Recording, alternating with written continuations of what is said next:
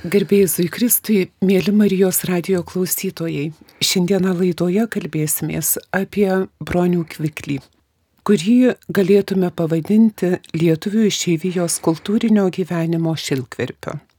Ir minime 110-asias broniaus kviklio metinės ir laidoje su mūsų viešne, daktarė Daiva Dapkute, Lietuvių išeivijos instituto mokslo darbuotoja, kuri tyrinėja lietuvių išeivijos kultūros, visuomeninį ir politinį gyvenimą, taip pat istoriją.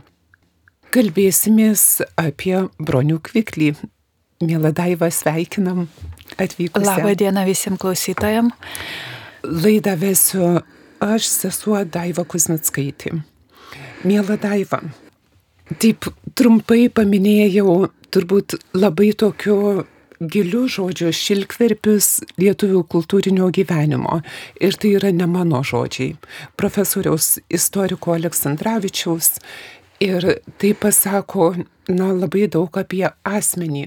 Ką galėtume pačioje pradžioje mūsų radio klausytojams paminėti apie šitą asmenybę, kuri na bent jau man žinoma iš sovietinių laikų pogrindžio veikėjų namuose galėdavai matyti užslėptas arba aprengtas kitom knygom e, Lietuvos istorijos ar bažnyčios istorijos leidinių viršelius, užmaskuotus, bet vis tiek matomus.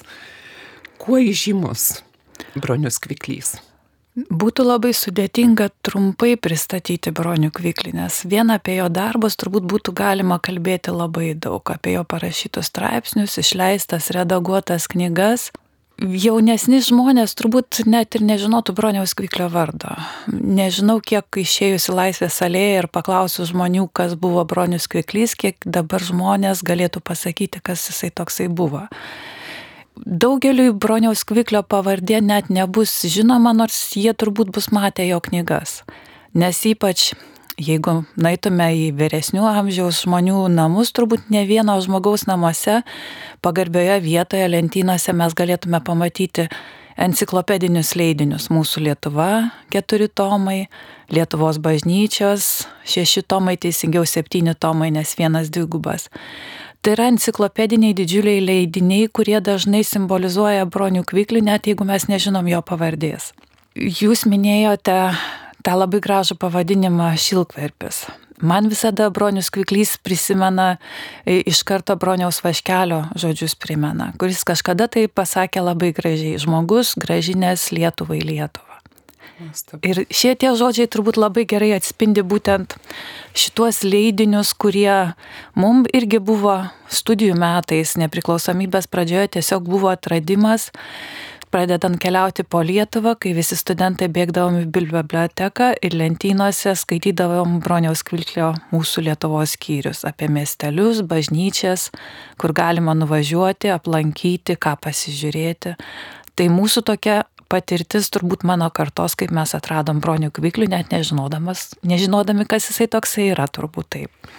O dabar vis tiek esi istorikė, kuri tyrinėjai kaip asmenybė bronius kviklys. Dar apie leidinius būtinai pasikalbėsim.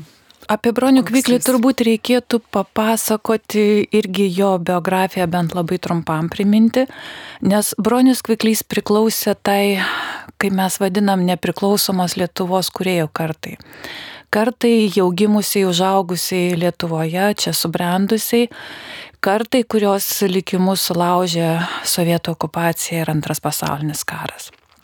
Bronius Kviklys gimė 1913 metais, lapkričio 10 dieną, Utenos rajone Daugailių valšyje Zastromo vienkėmėje ūkininko Antano ir Onos Kviklių šeimoje.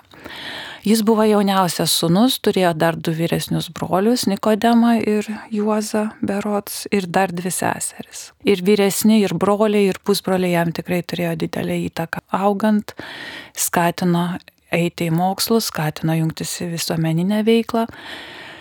Baigęs daug gailių pradžios mokyklą, vėliau mokėsi Antalieptės ir Utenos gimnazijose ir 32 metais įstojo į Vytauto didžiojo universitetą, kur teisų fakultete studijavo ekonomiką. Vėliau studijavo teisę, mokslus baigė 43 metais gaudamas ekonomisto diplomą.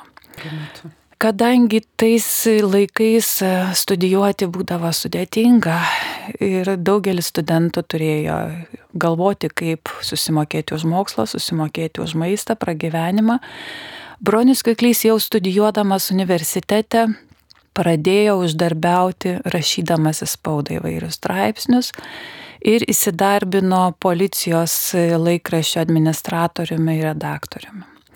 Ir turbūt tai buvo ta pirmoji jo pažintis su spauda, su spaudos darbais, su spaudos redagavimu, pažintis, kuri labai pravertė jam vėliau gyvenant emigracijoje.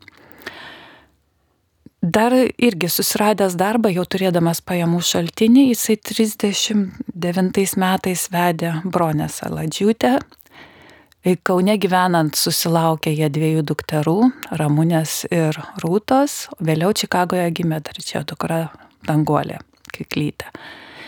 Dabar, kaip būtų susiklostę šių žmonių gyvenimas Lietuvoje, turbūt niekas negalėtume atsakyti. Ir kaip ir daugelio gyvenimus viską pakeitė antrasis pasaulinis karas nes prasidėjus karui ir pirmą kartą sovietam okupavus Lietuvą, žinoma, sustojo jo darbas policijos departamente. Karo metais jisai dirbo Raudono kryžiaus ligoninėje Kaune, e, prisidėjo leidžiant pogrindžio spaudą ir 44 metų rudenį, artėjant frontui, grįžtant sovietam, jie nusprendė su šeima trauktis iš Lietuvos Tuo metu iš kviklių ir saladžių šeimų jie pasitraukė vieninteliai. Lietuvoje liko, liko tėvai, broliai, seserys, visi giminaičiai, su kuriais visą gyvenimą bronis kviklys susirašinėjo, bet susitikti su kuriais taip ir neteko daugelio atveju. Atsidūręs kaip ir daugelis žmonių, tuo metu pasitraukdami iš Lietuvos, tik tai su mažais vaikais, su keliais lagaminais, atsidūrė Vokietijos karo pabėgėlių stovyklose, vadinamuose DP stovyklose, kurios suteikdavo laikiną prieglopsti atvykusiam karo pabėgėliam, pastogę, maistą ir kur žmonės traukdamiesi, turbūt niekas negalvojo, kur keliai juos nuves, kuriam pasaulio krašte jie atsidurs, jie visi tikėjosi, kad iš Lietuvos traukėsi trumpam laikui kad karas pasibaigs, Lietuva atgaus nepriklausomybę ir jie visi galės sugrįžti atgal į Lietuvą. Tai bronius Kviklys atsidūrė Vokietijoje su šeima ir mažomis dukromis. Ten gyvendamas dirbo Raudonojo kryžiaus organizacijoje, prisidėjo būrent lietuvių bendruomenę ir įsteigtoje lietuvių gimnazijoje mokė vaikus geografijos ir visuomenės mokslų. Bet bėgant laikui, vis tik tai laikas bėgo, karas baigėsi, bet jisai baigėsi ne visiems. Lietuva, kaip ir Latvija, Estija liko okupuotos, o šitie žmonės atsidūrė Vokietijoje, jie realiai neturėjo galimybę sugrįžti. Jie atsidūrė Vokietijoje, svetimam krašte, be galimybės sugrįžti į Lietuvą ir turėjo spręsti, ką daryti toliau. Pokario Vokietijoje likti galėjo nedaugelis ir gyvenimas buvo labai sunkus. Pabėgėlių stovyklas pradėjo uždarinėti ir žmonės pradėjo migruoti į kitus kraštus - į Ameriką, Pietų Ameriką, Australiją, kur galėjo apsirūpinti save, savo šeimą ir galėjo toliau planuoti gyvenimą. Ir turbūt tas išvykimas į kitą kraštą irgi buvo, jeigu tu turi kas laiduoja, tame krašte, Taip. tai gali ten nuvykti ir jeigu esi sveikas. Taip, ten irgi buvo sudėtinga, daugelis kraštų irgi būdavo, rinkdavosi žmonės, priimdavo kai kur tik viengungius, stiprius vyrus, kuriuos kviesdavo kaip Belgija dirbti į anglės kasyklas, Kanada miškų kirtimas, pramonė, daugelį, niekam nereikėjo profesorių, niekam nereikėjo ekonomistų, niekam nereikėjo istorikų, mokytojų, bet visiems reikėjo darbo jėgos tuo metu. pokaris. Taip, tai buvo pokaris ir žmonės išvažiavo į įvairius kraštus, tai bronius Kviklys su šeima 51 metais atkeliavo į Ameriką, į Čikagą. Tai nuo 43? Nuo 51 Amerikoje. O kiek metų išgyveno Vokietijoje? Vokietijoje jie pasitraukė 44 metais. Septynis. Šešis, septynis metus. Taip praleisti Vokietijoje, o 51 metais, kai atvažiuoja į Čikagą, gyvenimas taip pat nėra labai lengvas, nes pasižiūrėjus visą gyvenimą bronius Kviklys dirbo baldų ir metalo fabrikuose fizinį darbą.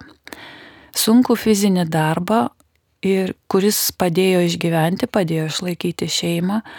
Ir kaip mes dažnai juokaujam, antras darbas laukia namuose. Šita karta, kuo jinai dar labai išskirtinė. Daugelis mūsų dažnai net nesusimastom, kai mes kalbam apie tą senąją iš nepriklausomos Lietuvos išvažiavusių žmonių kartą. Šitie žmonės išvažiuodami iš Lietuvos įsivežė net tokį labai sunkiai paaiškinamą, apibrėžiamą tą pareigos tėvynė, įsipareigojimo tėvynė jausmą tas priverstinis išvykimas, negalėjimas sugrįžti. Ne tik tai kiekvieno asmeninė tragedija, nes žmonės praranda viską - namus, šeimą, pragyvenimą, profesiją, giminės, giminės praranda viską. Tai yra kiekvieno žmogaus tragedija, kiekvienos šeimos tragedija. Yra išardyti gyvenimai. Labai dažnai būna išardytos šeimos, kur vyrai su, žmonėmis, su žmonomis vaikais pasimetę Vokietijoje, nesusitikę Tai yra žmonių tragedija, tai yra visos valstybės tragedija, nes Lietuva praranda nepriklausomybę. Ir šį kartą atsidūrusi, nesvarbu kur, Čikagoje, Amerikoje, Australijoje, jie kelia savo labai didelius tikslus. Jiems yra savotiška misija, pareigos jausmas gyvenant svetimam krašte, e, neištirpti svetimųjų būryje, išlaikyti tą lietuviškumą, perduoti jį jaunesniai kartai ir žinoma dirbti darbus, kurių negali dirbti Lietuvoje likę žmonės. Kelti Lietuvos nepriklausomybės klausimą, kovoti už nepriklausomybės atkūrimą, platinti, skleisti lietuvių kultūrą, kurti lietuvių kultūrą net gyvenant toli nuo Lietuvos ir atrodytų tokiomis sąlygomis, kur sunku kaip parašyti knygas neturint šaltinių istorikam ir panašiai. Bronius Kviklys būtų labai geras simbolis būtent tokių žmonių, nes aš jau minėjau apie tai, kad jisai atvažiavęs į Čikagą eilę metų dirbo fizinį darbą fabrikuose. Sunku fizinį darbą, o grįžęs namo turėjo antrą darbą. Sėsdavo prie darbo stalo, prie rašomosios mašinėlės ir kiekvieną dieną po porą valandų, kai kada ilgiau rašydavo rašydavo straipsnius, rašydavo knygas. Ir yra išlikusių ir dukrų prisiminimų nemažai rašyta, kad šitos tvarkos, šitos disciplinos jisai laikėsi visą gyvenimą. Tai buvo, jo buvo būtent va, tas rašymo darbas. Ir dukrai danguoliai jisai net buvo prasitaręs, kad gal ir gerai, kad dirbo tą fizinį darbą. Nes tada dirbdamas fizinį darbą jisai galvodavo ir planuodavo, ką jisai grįžęs namo rašys ką jisai darys ir tada grįžęs jisai galėjo rašyti. O jeigu būtų tekę dirbti protinį darbą, žinoma, jau tas nuovargis būtų kitoks, galbūt jam būtų nepavykę sukurti tų didžiulių darbų, ką padarė gyvendamas tenai. Ką dar reikėtų paminėti turbūt? Tai, kad 68 metais jo gyvenimas šiek tiek pasikeičia nes jį Čikagoje iki šiol leidžiamas vienas seniausių lietuvių laikraščių draugas. Ir 68 metais Marijonai pasikviečia Bronių Kviklį ir jisai tampa vienu iš draugo laikraščio redaktorium. Redaktorium, bendradarbiu, ilgus metus rašiusius straipsnius vedamosius draugo laikraštyje. Ir jisai draugo laikraštyje dirba iki 80 metų, kada išeina į pensiją. E, labai džiaugiasi, žinoma, kaip ir daugelis šitų išeivijos lietuvių stebėjo iš tolo visas permainas Lietuvoje, labai džiaugiasi nepriklausomos Lietuvos atkūrimu. Jeigu neklystu, 90 metais planavo atvažiuoti Lietuvą, bet dėl žmonos lygos teko nukelti kelionę ir taip atsitiko, kad vis tik ir nesuspėjo atvažiuoti, nes mirė 90-ais lapkričio mėnesį labai staigiai nuo širdies smūgio nuvežtas į ligoninę. Tai turbūt būtų tiek trumpai apie bronių kveiklį, nes, kaip aš jau pradžioje minėjau, turbūt galima būtų pasakoti labai ilgai ir apie biografiją, ir apie darbus. Ir aš dabar galvoju, žinoma, gal mes dar prie to sugrįšim. Turbūt dar vieną dalyką reikėtų paminėti, kas yra neatsiejama nuo jo biografijos, tai yra jo skautiška veikla. Va. Laukiau, norėjau. Skautiška veikla, kur irgi turbūt turėjo labai didelę įtaką, nes jisai nuo, nuo jaunystės, nuo gimnazijos laikų įsitraukė į skautų veiklą. Ir yra labai gražus jo atsiminimai draugo laikraštyje, iššifruoti, publikuoti prieš keletą metų irgi per jubiliejų kuris pasakoja, kaip atrodė skautai nepriklausomai Lietuvoje tuo metu, kai dar žmonės žvelgia atsargiai ir, ir net nežinojo, kas tie skautai yra, kaip juos vertinti. Ir jie patys, tie jaunimai stoja į skautus, jie irgi nelabai žinojo, ką reikia daryti. Bet jisai labai gražiai pasako apie tai, kaip jie, gimnazistai, eidavo ir ką reiškia padaryti kasdieną po vieną gerą darbą. Kaip jaunimas eina ir randa kaime kažkam, tai kam padėti, kam malką sunešti, kam pagelbėti, kažkokius darbus padaryti. Ir šitie atrodytų paprasti skautų priesakai tarnauti Dievui, artimui tėviniai, šitai kartai, šitiems žmonėm ir broniui kvikliui tai nebuvo tik tai tušti žmonės.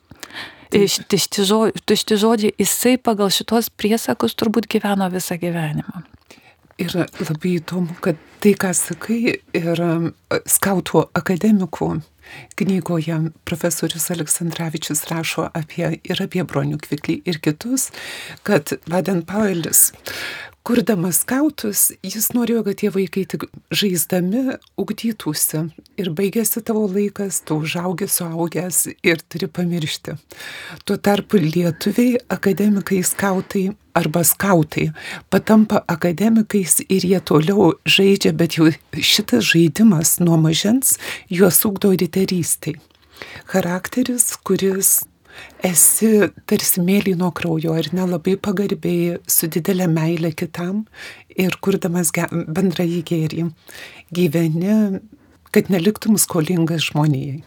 Taip, tie, tie principai - patriotizmas, tautiškumas, darbas, darbas nesitikint gražos, nesitikint atlyginimo, darbas kitiem daugelis skautų tai vadina va, tais skautiškumo principais. Žvelgiant į bronių kviklį, sunku pasakyti, galbūt žinoma tos šalia to šeimos tradicijos, atsinešimas iš Lietuvos, viskas, bet skautiškumas skautų veikla jam turėjo didelę įtaką.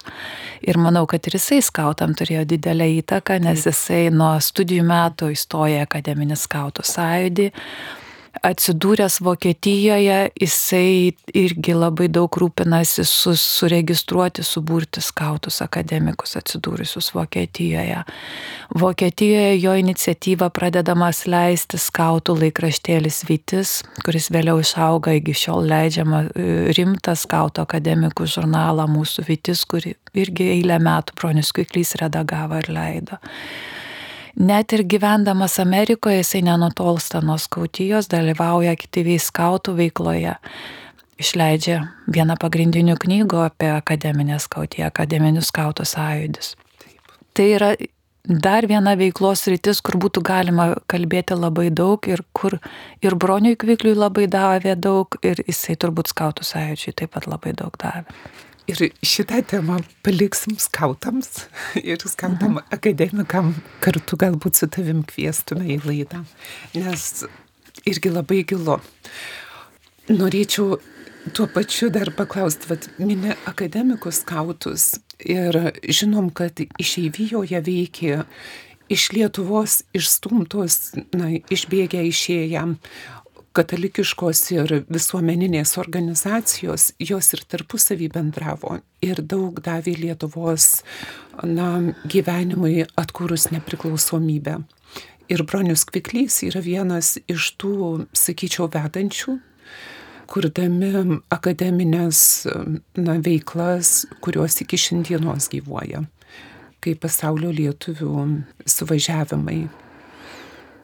Bronius Kviklys taip, jisai daug dalyvavo, gal mažiau negu kiti, nes jisai buvo iš tų tokių paprastų, kuklių, dažnai viešumoje retai matomų, labai darbščių pavyzdingų žmonių, kurie daugelį darydavo daug darbų, bet dažnai viešumoje per daug nesirodydavo.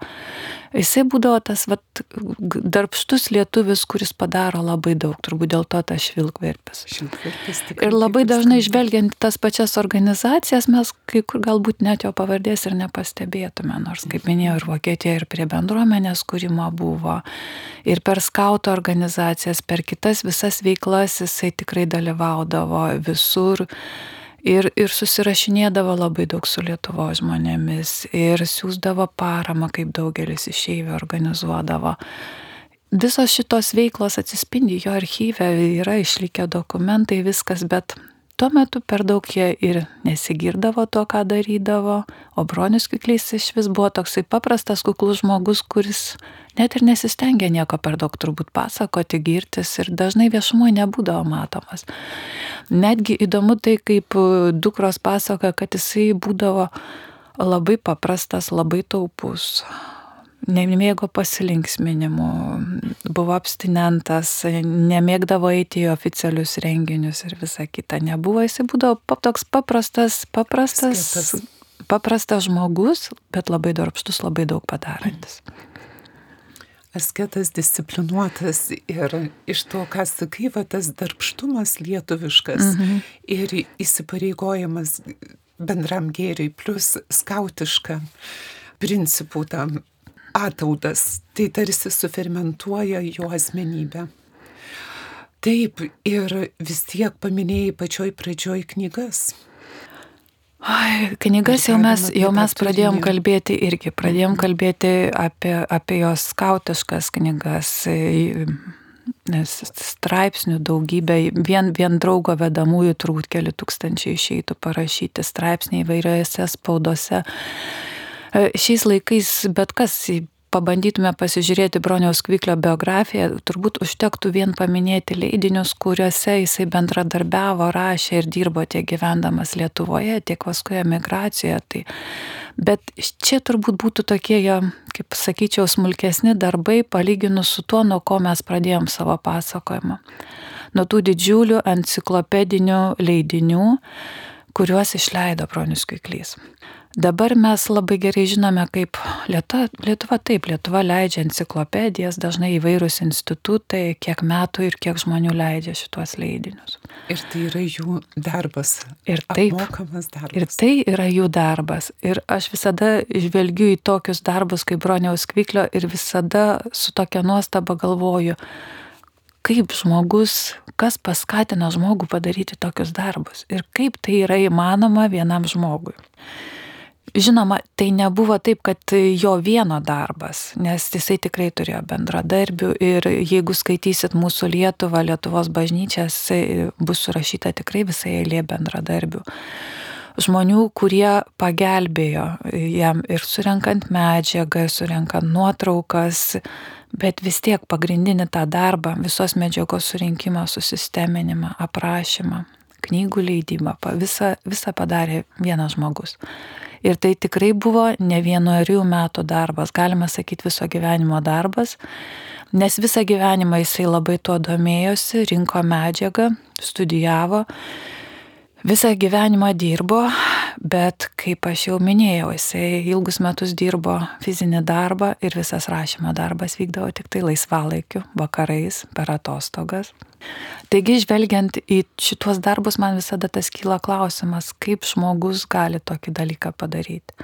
Kas paskatina, atrodytų, padaryti tokius sunkiai suvokiamus ir didžiulius, didžiulius darbus, kaip mūsų Lietuva, Lietuvos bažnyčios. Ir kai aš varčiau spaudą, yra keli interviu Broniaus Kviklio ir netgi ir šitose knygose. Jeigu skaitysit, paskaitykit būtinai įvadą Lietuvos bažnyčių, mūsų Lietuvos. Kaip jisai rašo, kas paskatino imti šito darbo. Paprasčiausia meilė Lietuvai, kaip jisai rašo. tai, kad tiek jisai mylėjo Lietuvą, tiek išeivyje mylėjo Lietuvą ir jisai norėjo padaryti tokią kaip, galima sakyti, galbūt dovaną, išleisti knygas išeivijai, surinkti apie tą Lietuvą žmonėm, kurie negali atvykti į Lietuvą, kad jie galėtų bent knygoje susipažinti su Lietuva, jų pažinota, matyta ir dar nematyta Lietuva.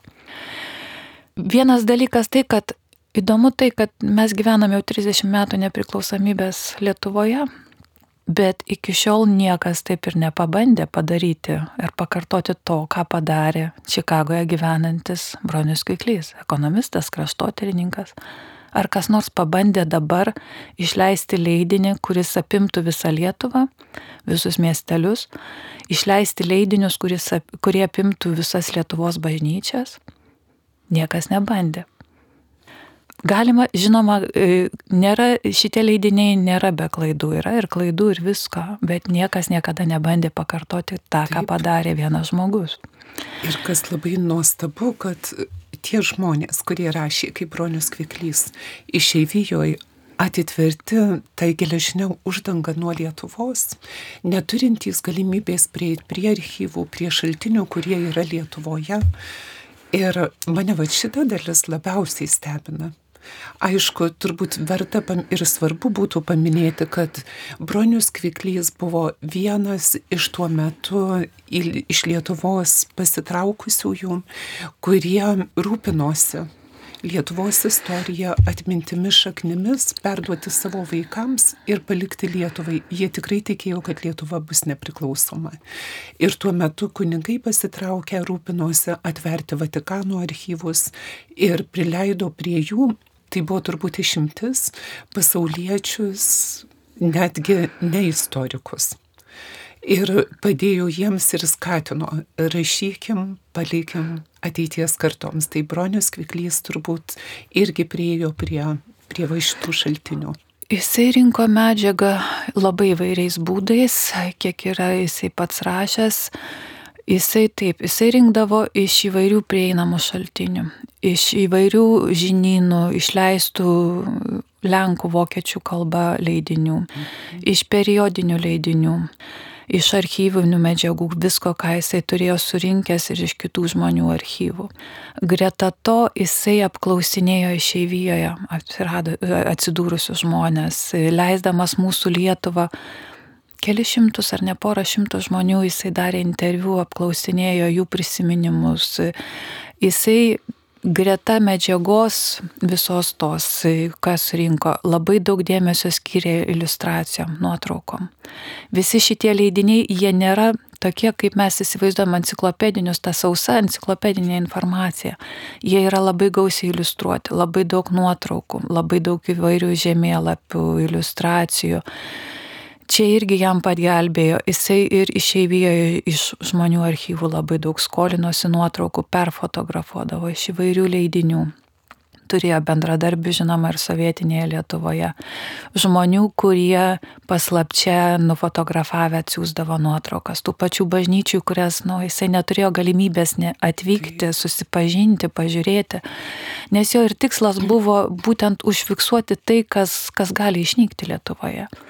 Nes bažnyčios nyko ne tik bažnyčios, bažnyčių viduje jam buvo svarbu architektūra, meno vertybės, paveikslai, tautodailė, daugelis šitų dalykų, kurie gyvendamas išeivijoje jisai rūpinosi bent jau užfiksuoti ir įsaugoti, kad ateinančios kartos, bent jau nuotraukose ir aprašymuose galėtų pamatyti tai, kas buvo sovietmečių dar gyva, kuris kas dar egzistavo ir kas palaipsniui nyko tuo metu jau. Ir kas buvo naikinama, nes kas naikinama buvo. Taip, ir... Daug bažnyčių buvo uždaryta, bažnytinės turtas išvežiotas, sunaikintas, daugelis dalykų išnyko ir turbūt tas, kas liko, tą, ką padarė žmonės, surinko informaciją, archyvus, užfiksavo nuotraukose, tas tik tai ir išliko. Ir Bronius Kviklys net ir tuos leidinius, kai rašė, jisai kalbėjo apie tai, kad jisai stengiasi surinkti kuo daugiau informacijos, nenutolti nuo istorijos, nuo istorinės tiesos, bet jisai nenorėjo perkrauti duomenimis. Jisai nurodydavo, iš kur ką paimam ir sakė, kad jeigu kas nors domėsis, visada galima surasti, kur dar paskaityti, susirinkti tuos, yra iš kokių leidinių, kaip ką, kas norės susiras. Bet jisai šituos leidinius rašė ne mokslo žmonėm, ne istorikam, kurie, kaip mes visada priekabiai tikrina faktelius, ar ten metai teisingi, ar, ar nesuklydo kažko nurodydamas. Šitos leidinius jisai rašė paprastiems žmonėms. Ir dėl to tie leidiniai yra, jie labai lengvai skaitomi. Mano laikais buvo labai populiarūs, nes, pavyzdžiui, mūsų Lietuvoje jisai greta istorinių faktų jisai nevengdavo įpinti ir tokių, nu, atrodytų kai kada romantiškų istorinių dalykų, tokių kaip padavimų, gražių istorijų, kurios galbūt buvo gyvos tik tai žmonių prisiminimuose apie tas vietovės. Ir tie pasakojimai įgauna tokią labai lengvą skaitomą, labai įdomią istoriją. Jie Istorikai dabar sakytų taip, kad reikėtų daugelį dalykų patikrinti, galbūt šaltiniais pasiremti dar kažką. Bet šie leidiniai buvo, kaip Bronius Kiklys ir sakė, pirmiausia skirti paprastiems žmonėm. Žmonėm, kurie negali nuvažiuoti į Lietuvą, pirmiausia išeivijai. Ir turbūt, aš net nežinau, jisai gal net nebūtų patikėjęs, kad šitie leidiniai kažkada atvažiuos į Lietuvą. Daiva klausausi ir vis tiek esu nustebusi. Rašo tarsi ne Lietuvos lietuviams, bet mes Lietuvoje taip pat buvome ištremti iš savo istorijos, iš savo atminties. Tiesiog žiūrėdami į savo šeimas. Kai tremti, išaudyti, išvietinti. Ir pavyzdžiui, tėvų senelių parapijų bažnyčių mes net nežinom istorijų ir kai kuriuos esam net nebuvę. Todėl, kad į ten sugrįžti negalėjai sovietmečiui ir šitos knygos tampa tau tarsi, na, galimybė atverti duris į tą praeitį, kurioje gyveno mūsų tėvai ir seneliai. Lietuvos bažnyčių serija taip, visi šitie tomai, net jisai kažkur yra užsiminęs, bet daugiau aš niekur neradau parašyta, kad kažkas iš Lietuvos netgi jį skatino būtent po mūsų Lietuvos enciklopedinio leidinio išleidimo, kad kažkas iš Lietuvos jį skatino padaryti šitą seriją knygų Lietuvos bažnyčios.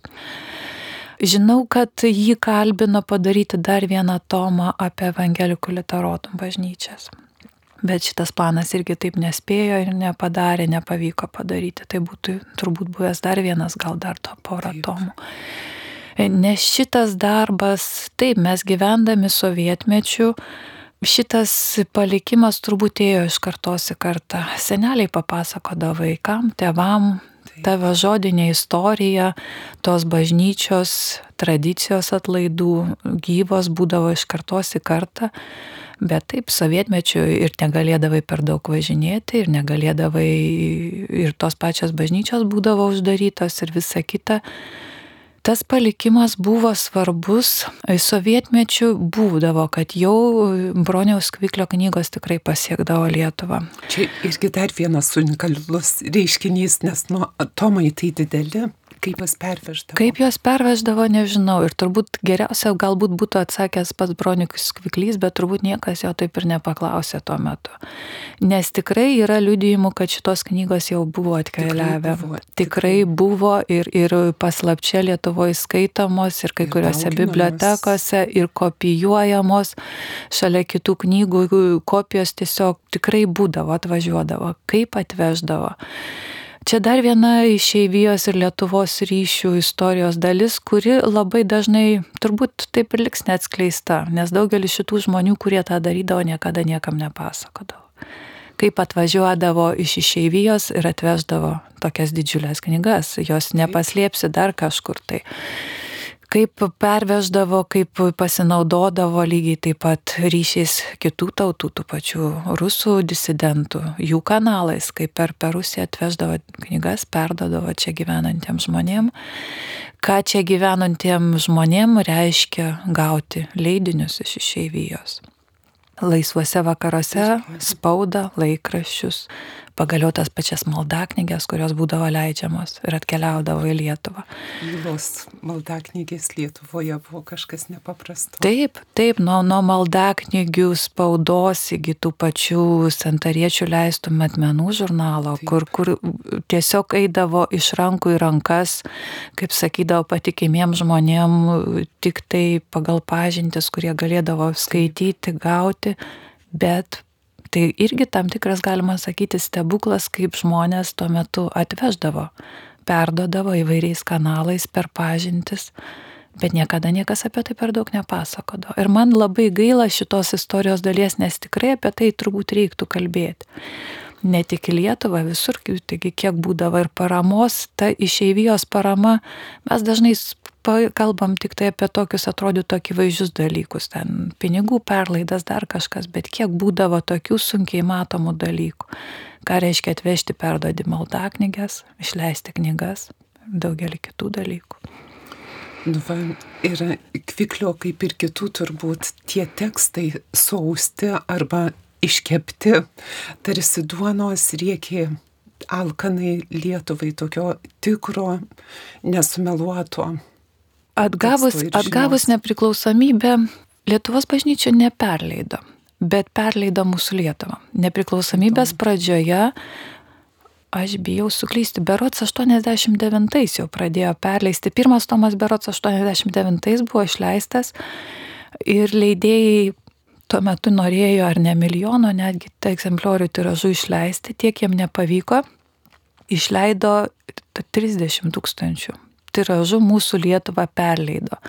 Bet šitas tiražas taip greitai išnyko, kad dažniau buvo tokių nuolat klausinėjančių, kur galima gauti knygą ir kodėl mums nepavyko jos nusipirkti. Bet vis tik tai žinoma, leidyba kainuoja brangiai ir Lietuvos bažnyčios taip ir neperleistos, bet bet kurioje bibliotekoje visur dar iki šiol yra labai daug šitų knygų egzempliorių galima, galima rasti.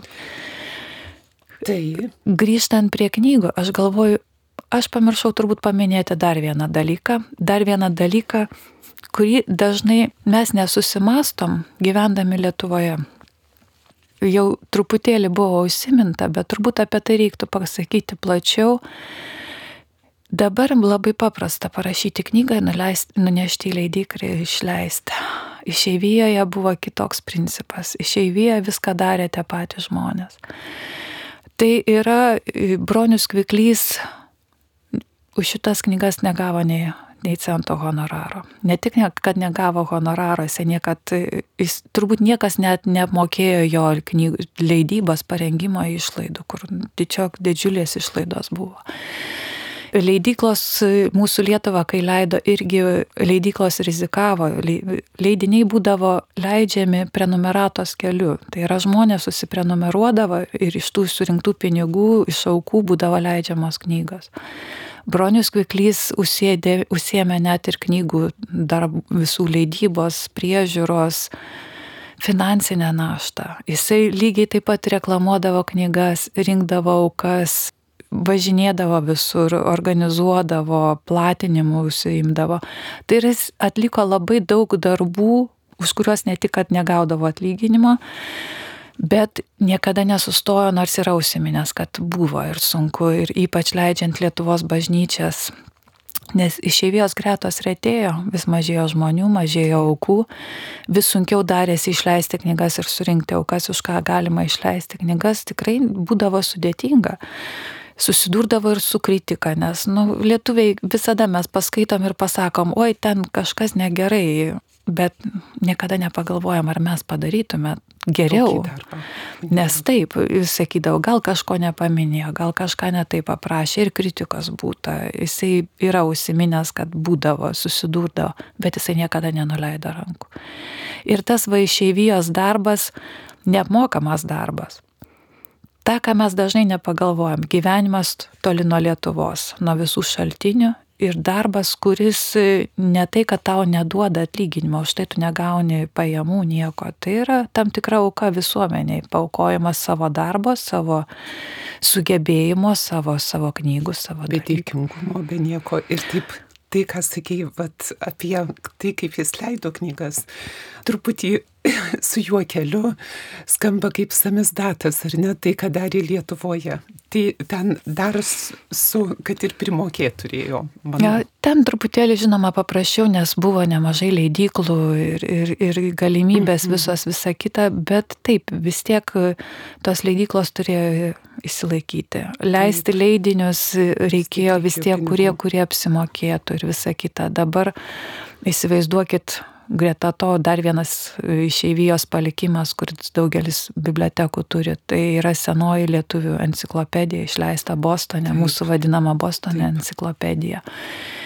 Leidiniai, kurie atrodytų, pradėtas buvo kaip eksperimentas, irgi lygiai taip pat prenumeratos keliu, paskelbent, kad mes planuojame leisti, žmonės prenumeruoja iš anksto, net nežinodami, ką gaus, net nežinodami, kaip pavyks šitą idėją, bet dėl idėjos jie jau sako, jie prenumeruoja, taip yra surinkamos lėšos ir yra leidžiamos knygos.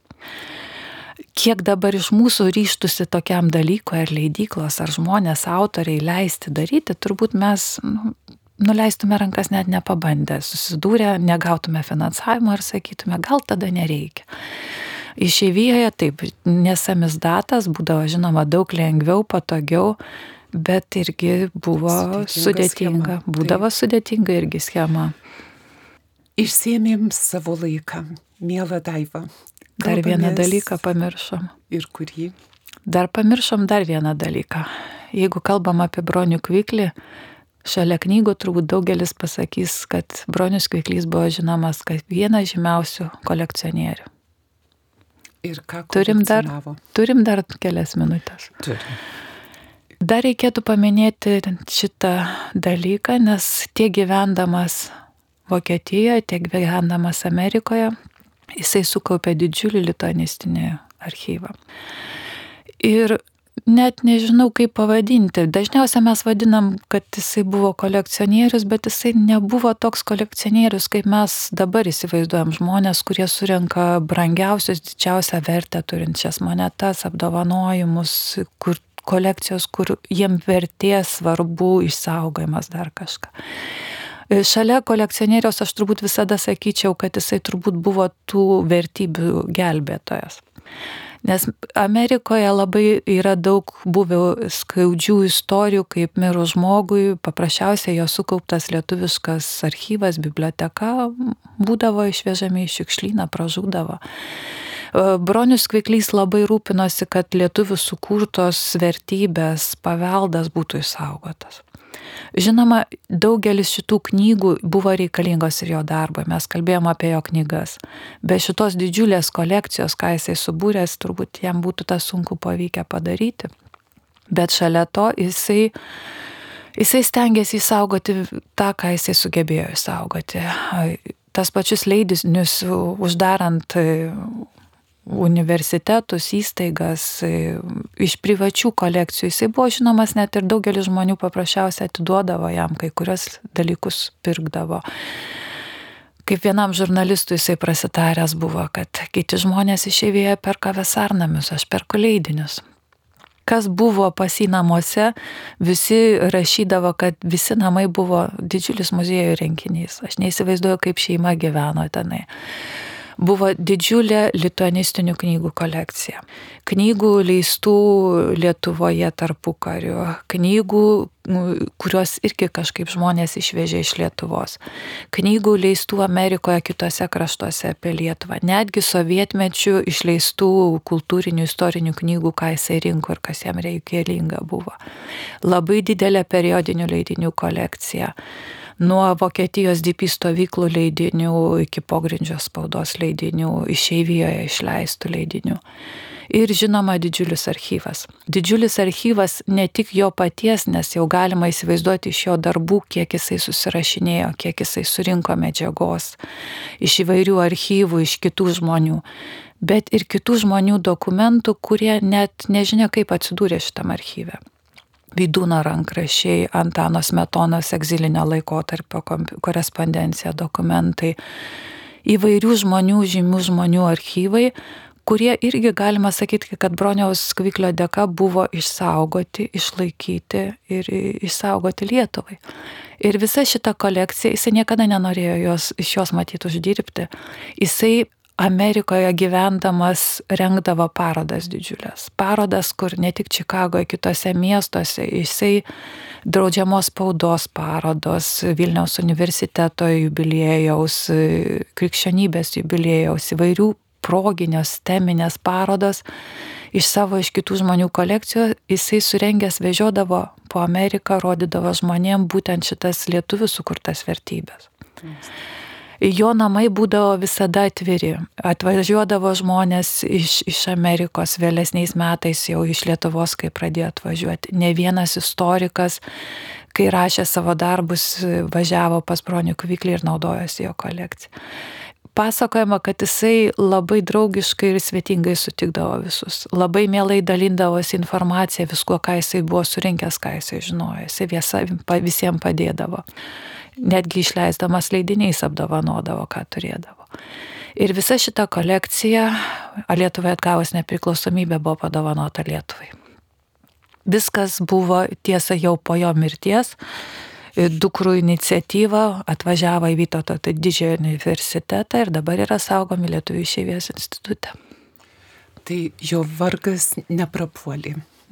Taip, ir šiuo metu ir istorikai, ir tyrinėtojai labai džiaugiasi, tyrinėja, naudojasi tuo, ką Bronius Kviklys sukaupė visą gyvenimą. Mėla Daiva, labai ačiū už tokį turtingą ir platų ir gilų Broniaus Kviklio gyvenimo ir jo darbų pristatymą ir išsėmėm savo laiką. Tai paskutinis palinkėjimas, taip apibendrinant, ką mes pasakytume mūsų klausytojui, jaunam ir garbaus amžiaus. Laikas bėga visada ir mes dažnai gyvendami šiais laikais, technologijų laikais, kai viską galime sužinoti labai greitai, atsidarę internetą, telefoną, pasirinkę, aš palinkėčiau nepamiršti to, ką visada turime šalia. Tų, tų knygų, kurias visada galima atsiversti, paskaityti, nustepti ir atrasti tą, ką turim šalia ir dažnai net nepagalvojam, ką turim. Gal tai būtų trumpai. Ir žinoma, tokias istorijas, kaip Broniaus Kviklio, reikėtų prisiminti žmonės, kurių vardai nyksta, mūsų atmintyje tikrai nyksta, mes pamirštam juos, o juos prisiminti tikrai reikėtų. Galbūt būtų tiek. Labai ačiū, mėla Daiva. Mėly Marijos radio klausytojai, šiandieną laidoje kalbėjome apie bronių kviklį ir jo nuopelnus Lietuvai, bažnyčiai ir mūsų atminčiai. Laidą norėčiau pabaigti primindama, kad Vytauto didžiojo universiteto Lietuvių išeivijos instituto mokslo darbuotoja daktarė Daiva Dapkutė pasidalijo savo žiniomis apie bronių kviklį, daug davusi Lietuvai ir, ir mūsų bažnyčiai. Laidą vedžiau aš sesuo Daiva Kuzmitskaitė. Užbaigdama norėčiau palinkėti to, ką linkėjo mūsų laidos viešne gilių šaknų, ilgos atminties apie mūsų tėvynę, apie mūsų parapijas, bažnyčias ir šalia esančius branginkime tai, ką turime ir perduokime naujosioms kartoms su Dievu iki kitų kartų.